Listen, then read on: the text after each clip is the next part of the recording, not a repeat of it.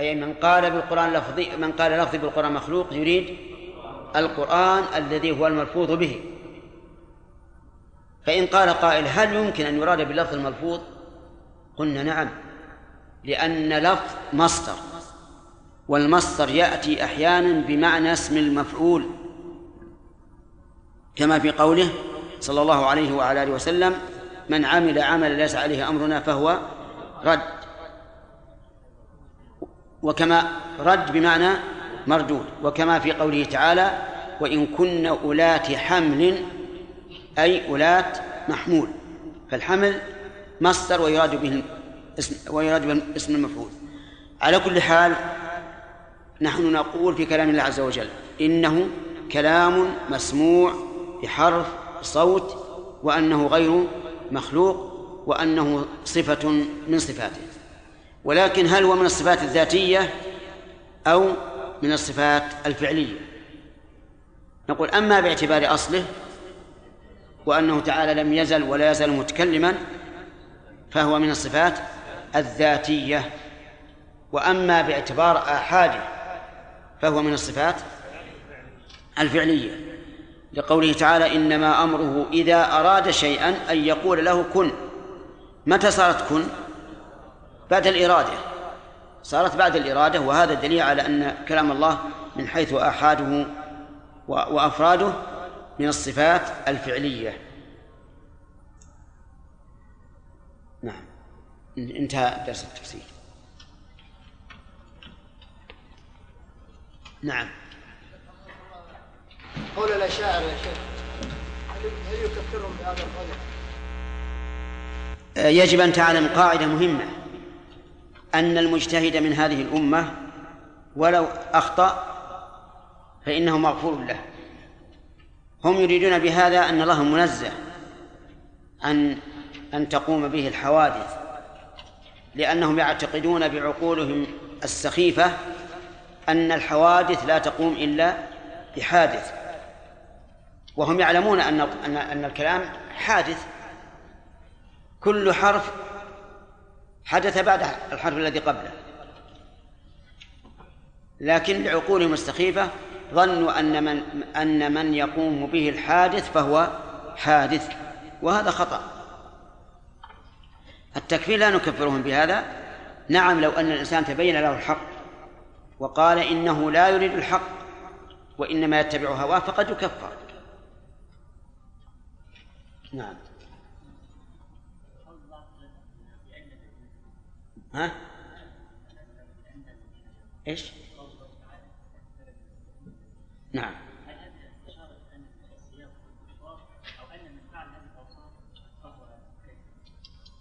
هو بعض العلماء يقول هذا بالكافر. الإنسان أي الكافر والقرينة ما ذكرت.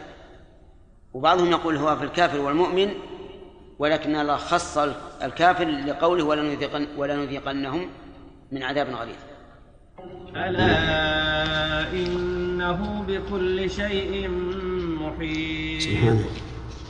أعوذ بالله من الشيطان الرجيم. قال الله تبارك وتعالى وإذا أنعمنا على الإنسان أعرض وأنأى بجانبه أخذنا فوائده. وإذا مسه الشر فذو دعاء عريض. آه، ما المراد بالإنسان في قوله إذا أنعمنا على الإنسان؟ نعم. وعلى الأول يكون المؤمن خارجا من قوله وإن مسه وإذا مسه الشر فذو دعاء عريض ولا ولا إيش؟ نعم.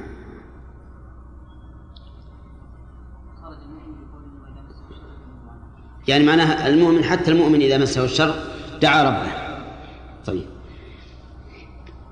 ثم قال الله تبارك وتعالى قل أرأيتم إن كان من عند الله؟ أرأيتم أي أخبروني؟ وقول إن كان من عند الله يعني القرآن. من عند الله. ها؟ أخذنا بعد؟ وفوائدها؟ طيب. وقول ثم كفرتم به من أشد من هو من من أضل ممن هو في شقاق بعيد.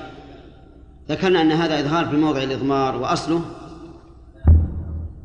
لا أحد أضل منكم لكنه أظهر في موضع الإضمار وذكرنا أن للإظهار في موضع الإضمار فوائد. منها تنبيه المخاطب ثاني بيان الصفة التي استحق بها صاحب الضمير هذه هذا الوصف.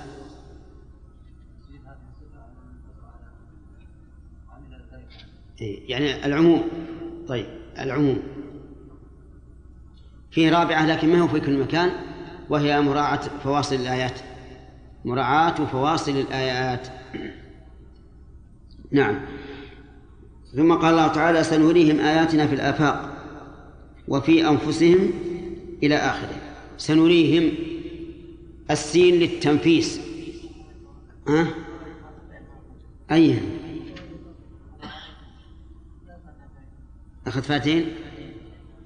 أي طيب. هما؟ سمير؟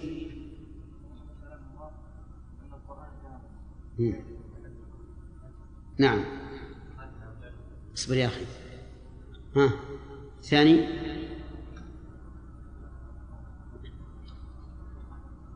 عندك ثانية؟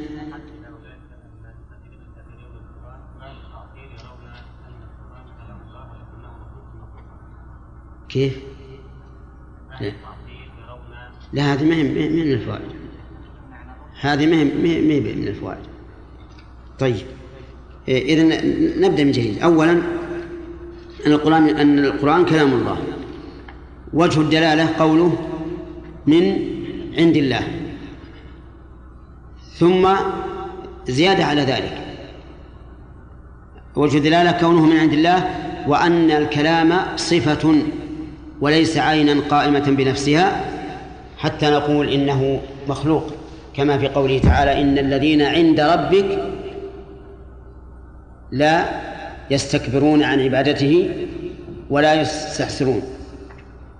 لكن الكلام صفة قائمة بموصوف فهو دليل على أنه من عند الله. إذن يستفاد أن القرآن كلام الله من قوله من عند الله ووجه ذلك أن الكلام صفة لا يمكن أن يقوم بنفسه فلزم أن يكون كلام الله. ومن فوائد هذه الآية الكريمة أن الكفر بعد التبين أشد قبحا من الكفر مع الجهل. بدليل قوله ثم كفرتم به فإن ثم تدل على الترتيب والتراخي وأن كفرهم كان بعد أن تبين الأمر. ومن فوائدها أنه لا أحد أضل ممن شاق الله ورسوله حيث إنه في شقاق بعيد.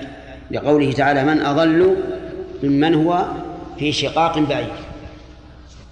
ومن فوائد هذه الآية الكريمة بلاغة القرآن التامة حيث يختار في كل تركيب ما يناسب الحال. لقوله تعالى من أضل ممن هو في شقاق بعيد. ومن فوائد هذه الآية الكريمة وقوع الاستفهام موقع النفي وأن إيقاع الاستفهام موقع النفي أسلوب عربي صحيح. وما فائدته؟ أنه إذا كان بصيغة الاستفهام كان مشربا إيش؟ في التحدي. فقولك من أضل فقوله من أضل أبلغ من من قوله لا أضل. ثم قال الله تبارك وتعالى سنريهم آياتنا في الآفاق.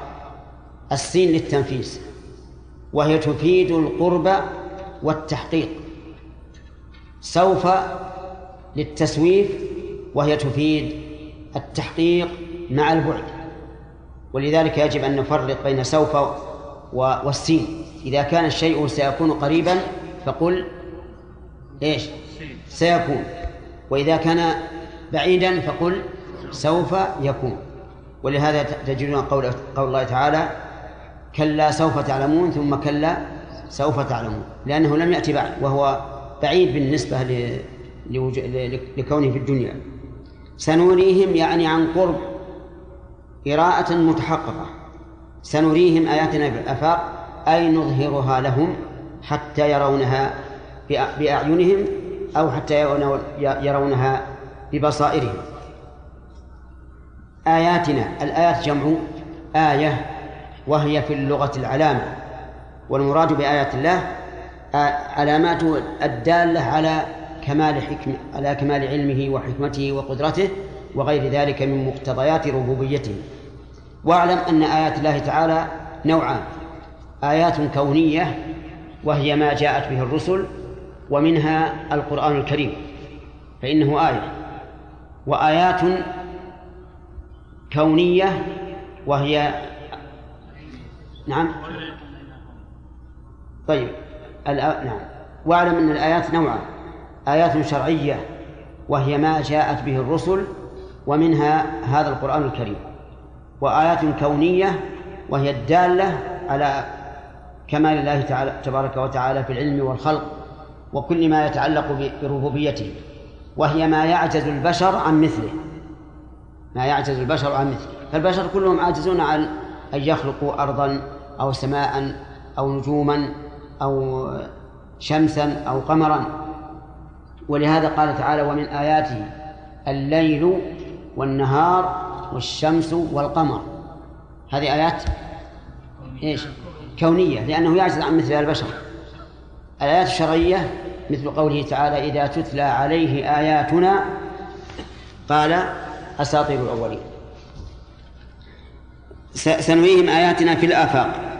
أقطار السماوات والأرض من النيرات والنبات والأشجار.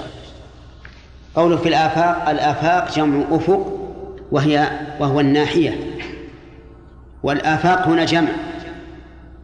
فتدل على أن هذه الآيات ستكون في كل ناحية من السماء والأرض.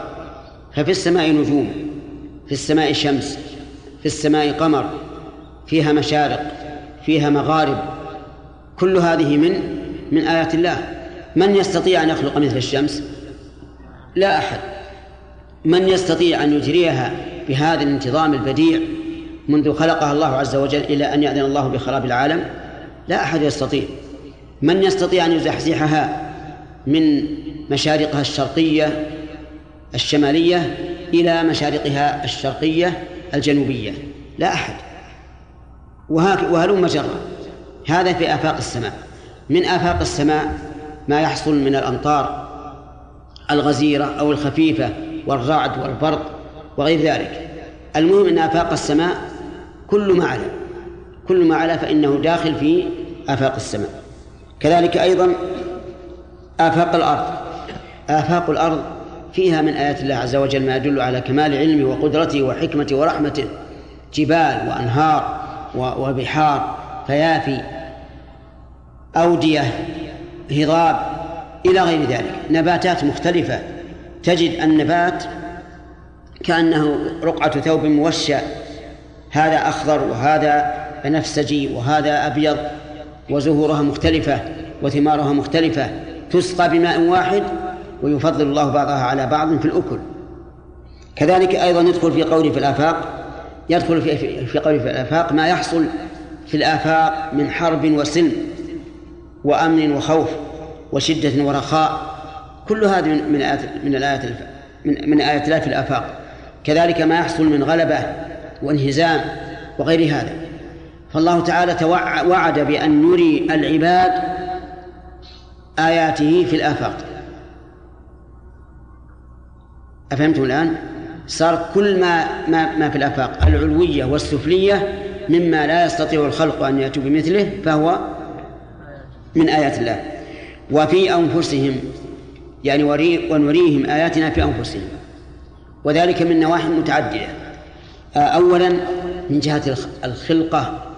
كيف خلق الله سبحانه وتعالى الآدمي على هذه الصفة البديعة الغريبة التي لا يوجد من الحيوانات ما هو مثله في في حسن القامة وحسن التدبير والعقل وغير ذلك.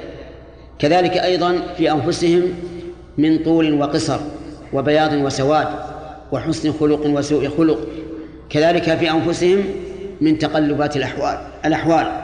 وكون الإنسان أحيانا يريد كذا وأحيانا يريد كذا. وأحيانا يريد الشيء ويصمم عليه وإذا به مصروف عنه. يصرف عنه. هذه من آيات الله. ولهذا قيل لأعرابي بما عرفت ربك؟ قال بصرف الهمم يعني وتقلب تقليب القلوب. تجد الإنسان مثلا متجه إلى أن ينصرف إلى أن ينصرف إلى الشمال. فإذا به ينصرف إلى الجنوب بدون أي سبب لكن بتقدير الله عز وجل. كذلك أيضا من آيات الله في, في, في الإنسان تركيب هذا البدن العجيب البديع واسأل أهل التشريح عن هذا. تجد العجب العجاب. إن أتيت إلى الرأس وما فيه من المخ وما فيه من الأدوات وإذا أتيت إلى الأمعاء وإلى المعدة وإلى الكبد وإلى الغدد وإلى غيرها تجد العجب العجاب. يعني أنه دولة في الواقع. دولة كل شيء منه له عمله الخاص. من يستطيع أن يركب هذا؟ الله عز وجل. كذلك أيضا من الآيات في الأنفس ما حصل لقريش في بدر حيث إن قريشا في بدر خرجت إلى بدر كما وصف الله عز وجل بطرا ورئاء الناس ويصدون عن سبيل الله. يقول القائل منهم والله لن نرجع حتى نقدم بدرا فنقيم عليه فيها ثلاثا ننحر الجزور ونسقي الخمور وتعزف علينا القيان وتسمع بنا العرب فلا يزالون يهابون أبدا. هكذا قالوا. ولكن الأمر صار بالعكس والحمد لله. صار العرب يتحدثون عن هزيمتهم إلى أن يشاء الله من أمد الدنيا. هذا من من من الآيات. كذلك من آيات الله تعالى في الإنسان أن الناس يختلفون اختلافا عظيما في الفهم والحفظ والعمل. تجد هذا يختار هذا العمل. الآخر يقول كيف يصبر هذا الرجل على هذا العمل؟ أليس كذلك؟ وآخر بالعكس هذا من آيات الله تبارك وتعالى. كذلك أيضا الناس يختلفون في الفهم. من الناس من إذا قرأت عليه العبارة فهمها في أول بأول مرة ومن الناس من لا يفهمها بأول مرة. من الناس من إذا تلوت عليه العبارة حفظها بأول مرة ومن الناس من ليس كذلك. كل هذا من آيات الله. وإلا فالدم واحد والعصب واحد والعظام واحدة والجلد واحد وكل شيء واحد لكن يختلف الناس. هذا الاختلاف العظيم. كل هذا داخل في قول سنريهم آياتنا في الآفاق وفي وفي أنفسهم. يقول عز وجل حتى يتبين نعم نشوف المفسر. وفي أنفسهم من لطيف الصنعة وبديع الحكمة. حتى يتبين لهم أنه الحق. يتبين بمعنى يتضح. لهم أي لهؤلاء المكذبين. أنه يقول المؤلف أي القرآن. ويحتمل أن يراد به الرسول عليه الصلاة والسلام. ويحتمل أن يراد المعنيان جميعا. أنه الحق الحق المنزل من الله تبارك وتعالى بالبعث والحساب والعقاب فيعاقبون على كفرهم به وبالجاء به أنه الحق الحق في الأصل هو الشيء الثابت الواقع لا محالة ومنه قوله تعالى الحاقة إيش؟ ما الحاقة؟ يعني الشيء الثابت وأما ويطلق على معاني متعددة منها أنه الصدق. فالصدق حق وضده الكذب باطل ومنها العدل. فالعدل حق وضده الجور وهو باطل. ولهذا قال الله تعالى وتمت كلمة ربك صدقا وعدلا لا مبدل لكلماته. ومنها من معاني الحق أنه الشيء الثابت الذي لا يزحزحه أحد وضده الشيء الذي لا يثبت ولا يستقر وكل إنسان يبطله. فأنت الآن نجد أن القرآن الكريم مهما جادل به المجادل, المجادل ليدفعه فحجته باطلة ولا يمكن لأحد أن يغلب القرآن. بل القرآن غالب. لكن اعلموا أيها الإخوة أن كون القرآن غالب إنما هو بحسب حامله. ولذلك تجد السيف البتار بيد الجبان؟ لا يغني شيئا. لابد أن يكون القرآن بحسب حامله. وإلا فالقرآن نفسه لا يمكن أن يغلب أبدا. إلا أنه قد يغلب من جهة حامله. وهذا ليس عيبا في القرآن ولكنه عيب في حامل القرآن.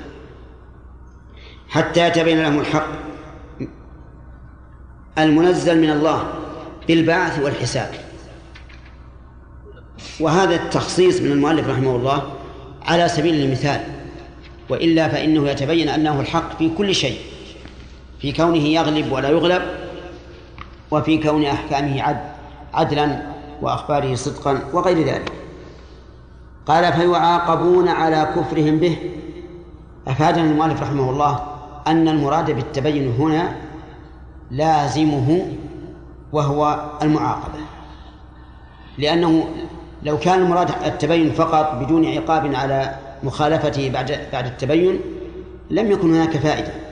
ومن ذلك أيضا مما من كونه يطلق البيان أو العلم على ويراد به اللازم قول الله تبارك وتعالى يومئذ يصدر الناس أشتاتا أتموا ليروا أعمالهم. طيب يروها فقط أو ليروها ويجازوا عليها؟ الثاني يعني ليروها ويجازوا ويجازوا عليها. هذه أيضا يتبين فيعاقبون على كفرهم به. وبالجاء به من الجاء به؟ رسول صلى الله عليه وسلم. قال تعالى أولم يكف بربك أنه على كل شيء أنه على كل شيء شهيد. لما بين الله سبحانه وتعالى أنه سيظهر الآيات حتى يتبين الحق أن هذا القرآن حق وأن محمد حق ذكر شيئا أعظم دلالة على أن القرآن حق وعلى أن الرسول حق صلى الله عليه وسلم حق. من هو؟ الله عز وجل. ولهذا قال أولم يكفي بربك أنه على كل شيء شهيد؟ والجواب بلى. يكفي يكفي ذلك. لأن الله تعالى إذا رأى هذا الرجل يدعو الناس إلى ما يدعوهم إليه ويقاتلهم به وينصره الله عليهم ويمكن له في الأرض ويتبعه الناس هل يمكن أن يقر الله ذلك وهو باطل؟ لا يمكن أبدا. لا يمكن إطلاقا. فكون الله تعالى يمكن لرسوله صلى الله عليه وسلم في الأرض ويجلب قلوب الناس إليه وينصره على أعدائه ويفتح بدينه آفاق الشرق والغرب. كل هذا دليل على إيش؟ على أنه حق على أنه حق. وشهادة الله سبحانه وتعالى لرسوله نوعان شهادة قولية وشهادة فعلية. أما الشهادة القولية فدليلها قوله تعالى لكن الله يشهد بما أنزل إليك أنزله بعلمه والملائكة يشهدون. هذه شهادة من الله لكن الله يشهد بما أنزل إليك أنزله بعلمه والملائكة يشهدون وكفى بالله شهيدا. أما الشهادة الفعلية فهي تمكين فهي تمكين الله تعالى لمحمد صلى الله عليه وسلم في الأرض ونصره إياه وغلبة دينه على جميع الأديان. وقوله أولم يكفي بربك؟ قال المؤلف فاعل يكفي. فاعل يكفي والباء مزيدة فيه لتحسين اللفظ ونظيرها وكفى بالله شهيدا أي وكفى الله شهيدا. وعلى هذا فنقول في إعرابها الباء حرف جر زائد إعرابا فائدته تحسين اللفظ. ورب فاعل يكفي مرفوع بضمة مقدرة على آخره منع من ظهورها حرف الجر الزائد. وقول أولم يكفي بربك أضاف الربوبية إلى الرسول عليه الصلاة والسلام. وهل هذا للتخصيص أو للتشريف والتكريم؟ عجيب الثاني لماذا؟ لأنه رب كل شيء. وانظر إلى قوله تعالى إنما أمرت أن أعبد رب هذه البلدة الذي حرمها. وبعدها قال وله كل شيء لأن يظن الظان أن ربوبيته خاصة بهذه البلدة. كذلك أيضا رب إضافة الربوبية إلى الرسول من باب التشريف والتكريم والإشارة إلى أنه سوف ينصره على عدوه لأن ربوبية الله للرسول عليه الصلاة والسلام ربوبية خاصة. أو نكفي ربك أنه على كل شيء شهيد.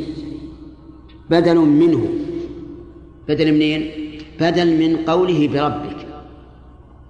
والبدل يقولون في تعريفه هو الذي إذا أسقطت المبدل منه استقام الكلام. حطوا بالكم. البدل هو الذي إذا حذفت المبدل منه استقام الكلام. تقول أعجبني زيد خلقه. هذا بدل. أسقط زيد. أعجبني خلق زيد. مع معلوم؟ أكلت الرغيف ثلثه. أسقط الرغيف؟ يستقيم الكلام أو لا؟ هذا ضابط البدل. هنا نقول أولم يكفي بربك أسقط بربك. تقول أولم يكفي أن الله على كل شيء شهيد. يستقيم. لكن لا شك أن القرآن الكريم لا يمكن أن يوجد بدل ومبدل منه إلا لفائدة عظيمة.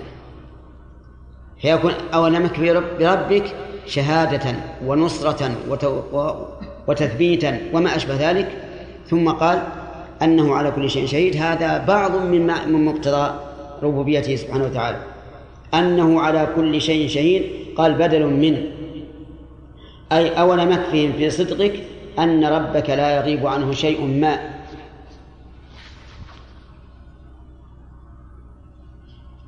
وهذا واضح. والشهادة هنا إيش هي؟ إيش نوعها؟ هنا هنا. الشهادة هنا. الشهادة هنا فعلية. يعني أولم يكفي بربك أن الله على كل شيء شهيد وقد مكن لك في الأرض وثبتك ونصرك عليهم وعلى كل عدو لك والجواب بلى والله إن هذا لكاف وهذا كقوله تعالى وقالوا لولا أنزل عليه آية من ربه قل إنما الآية عند الله وإنما أنا نذير مبين. بعدها أولم يكفهم أن أنزلنا عليك كتاب يتلى عليهم؟ فالكتاب أعظم آية. شهادة الله على على صدق رسوله أعظم أعظم آية. ثم قال ألا إنهم في مرية من لقاء ربهم؟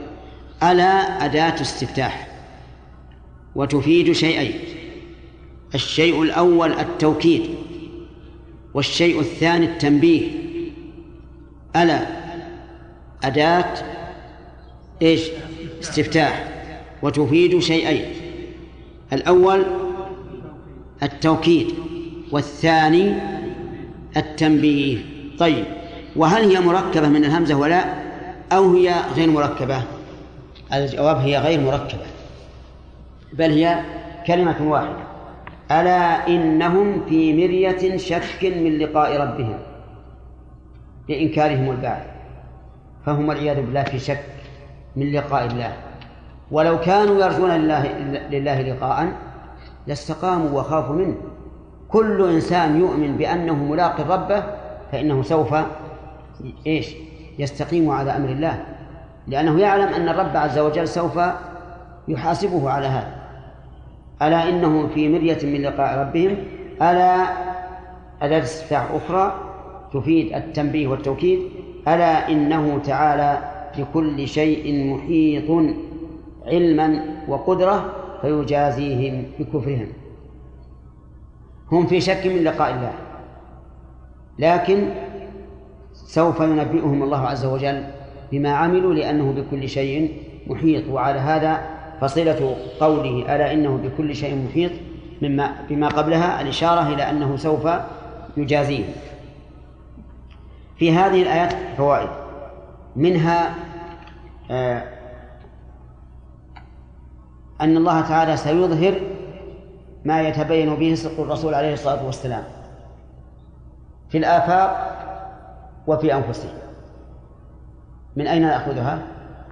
من قولهم سنريهم من قوله سنريهم آياتنا في الآفاق وفي أنفسهم ومنها أن هذه الإراءة قريبة محققة من أين تؤخذ؟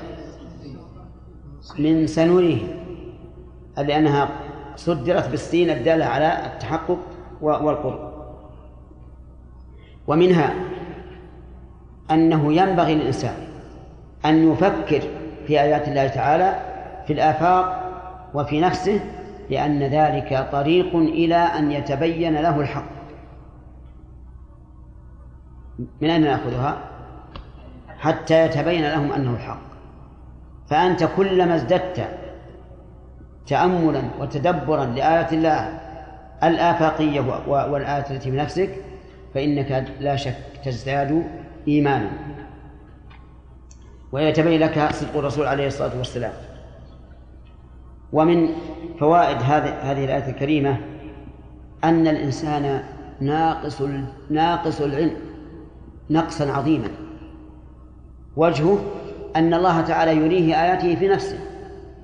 فالإنسان غير عالم بنفسه إلا إذا علمه الله.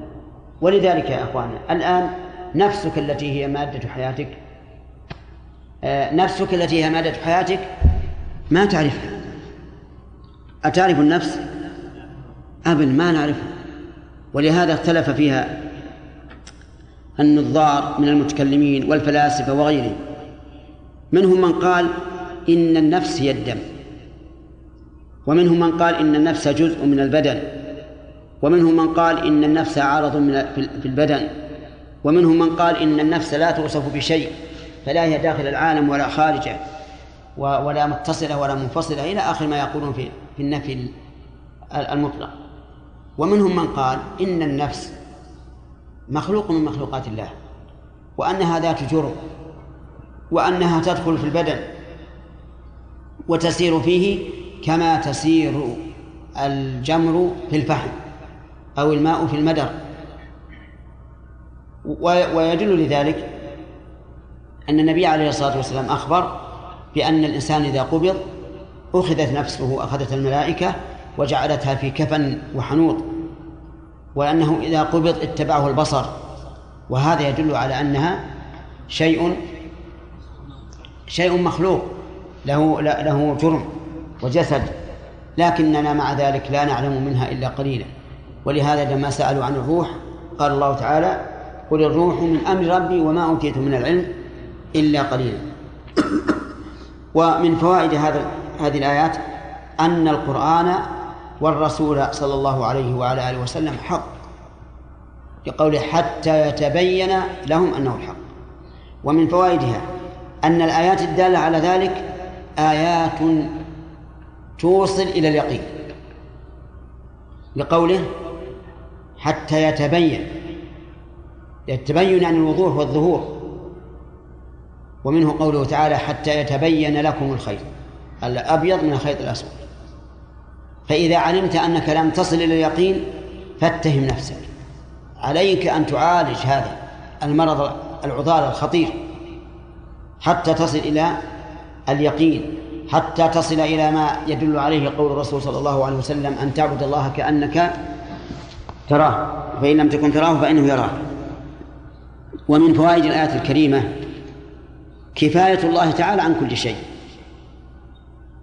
بشهادته لقوله أولم يكف بربك أنه على كل شيء شهيد ومن فوائد الآية الكريمة الاستدلال بالأشياء على نعم الاستدلال بالآثار على مؤثراتها وجه ذلك أن الله تعالى استدل بتمكينه الرسول على أنه حق. فالإنسان يستدل بالآثار على مؤثراتها ولهذا قيل البعرة تدل على البعير. وهذا جواب جواب من أعرابي سئل بما عرفت ربك؟ قال على البديهة البعرة تدل على البعير. اختار هذا لأنه أعراب ما يعرف إلا الإبل. البعرة تدل على البعير. والأثر يدل على المسير. صح؟ إذا رأيت مثلا صورة القدم على الأرض عرفت أنه قد سار على هذا أحد. فسماء ذات أبراج وأرض ذات فجاج وبحار ذات أمواج ألا تدل على السميع البصير؟ والجواب بلى. هذا الأعرابي استدل بالآيات الآفاقية. على على وجود الله وعلى قدرته. ومن فوائد هذا الحديث هذه ومن فوائد هذه الآيات الحذر من المخالفة. وهذه فائدة تربوية. الحذر من المخالفة. من أين تؤخذ؟ أولم يكفي بربك أنه على كل شيء شهيد؟ فإذا علمت أن الله شهيد على كل شيء على نفسك أفعالك أقوالك كل التصرفات فإنك سوف تراقب الله عز وجل. ومن لم ومن لم يتعظ بمثل هذه الآية فإنه لن يتعظ. إذا علمت أن الله شهيد عليك في خلواتك في وحدتك في جلوسك مع مع أهلك في جلوسك مع صحبك فإنك سوف تراقب الله عز وجل. وهذا هو معنى قول الرسول عليه الصلاة والسلام أن تعبد الله كأنك تراه فإن لم تكن تراه فإنه يراك. ثم ومن فوائد الآية الكريمة بيان هؤلاء بيان حال هؤلاء المكذبين وأن سبب تكذيبهم أنهم في شك من لقاء الله. ومعلوم أن من كان في شك من لقاء الله فلن يعمل لله. ولهذا تجدون الله تعالى يقرن دائما بين الإيمان به واليوم الآخر. لأن من نقص إيمانه باليوم الآخر فسوف ينقص عمله. ومن كمل إيمانه باليوم الآخر فسوف يكمل عمله لأنه يرجو أن يكون سعيدا في ذلك اليوم. أنت عندما تركع وتسجد اجعل على بالك أن هذا الركوع والسجود سوف ينفع سوف ينفعك. متى؟ يوم القيامة. وهو, ينفعك من الآن لأن الصلاة تنهى عن الفحشاء والمنكر. لكن الثمرة الملموسة يوم القيامة. التي تظهر لكل أحد. في الدنيا يظهر للمؤمن الانتفاع التام بالطاعات. كما قال شيخ الإسلام ابن تيمية رحمه الله ما يفعل أعدائي بي إن جنتي في صدري. حبسي خلوة ونفي سياحة وقتلي شهادة. رحمه الله. فالإنسان المؤمن يجد هذا في نفسه قبل يوم القيامة. في يوم القيامة يكون الظهور الكامل يكشف عن كل شيء. ومن فوائد هذه الآية الكريمة بيان إحاطة الله بكل شيء. إحاطة بإيش؟ بكل شيء. علما وقدرة وسلطانا وتدبيرا وغير ذلك محيط بكل شيء بأفعاله وأفعال العباد. قال الله تبارك وتعالى لتعلموا أن الله على كل شيء قدير وأن الله قد أحاط بكل شيء علما. من فوائد هذه الآية الكريمة أيضا تحقيق مراقبة الله. لأنك إذا آمنت أن الله بكل شيء محيط فسوف إيش؟ تراقبه. المراقبة التامة.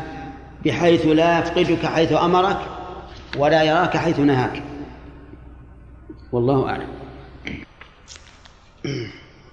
سمعنا عبد الله. أعوذ بالله من الشيطان الرجيم. بسم الله الرحمن الرحيم. حميم عين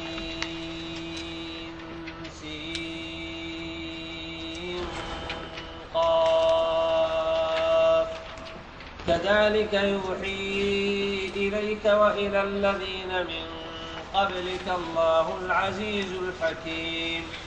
له ما في السماوات وما في الأرض وهو العلي العظيم.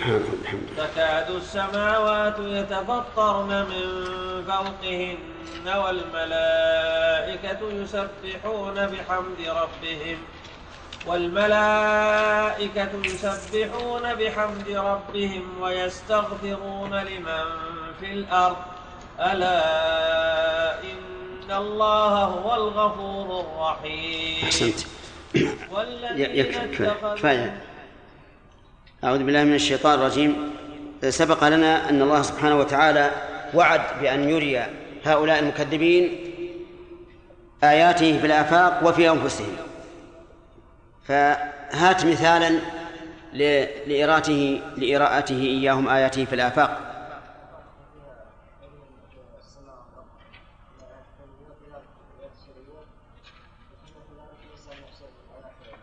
يعني آيات الكونية آه، كالشمس والقمر والنجوم والأرضية.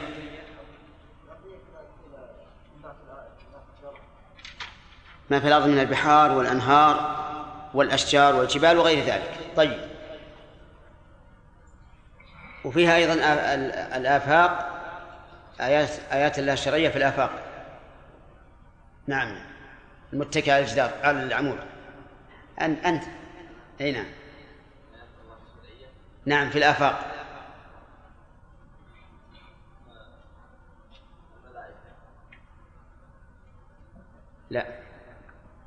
فجري ها؟ لا. وقلنا الفتوحات. الإسلامية والغلبة والنصر لأولياء الله. طيب. في الأنفس. ولا أي نعم. آيات الله تعالى في في أنفسهم.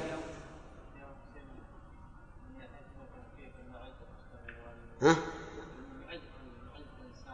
إيش؟ معدة الشخص. يعني فقط المعدة؟ طيب. هات. نعم الآيات في النفس الخلقية. والخلقية. كذا؟ طيب. وهي عاد أنواع كثيرة متعددة.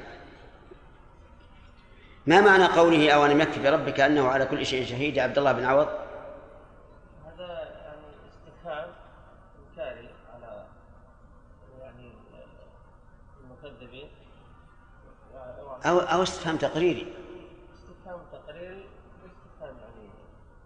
إي وش معناه؟ وش معناه؟ يعني ما المعنى؟ مشرف يعني متحدي يعني أولم يعني تكفي شهادة الله سبحانه وتعالى؟ نعم يعني أولم يكفي شهادة الله عز وجل بأن ما جاء به رسوله هو حق طيب آه، ذكرنا أن شهادة الله تعالى نعم نعم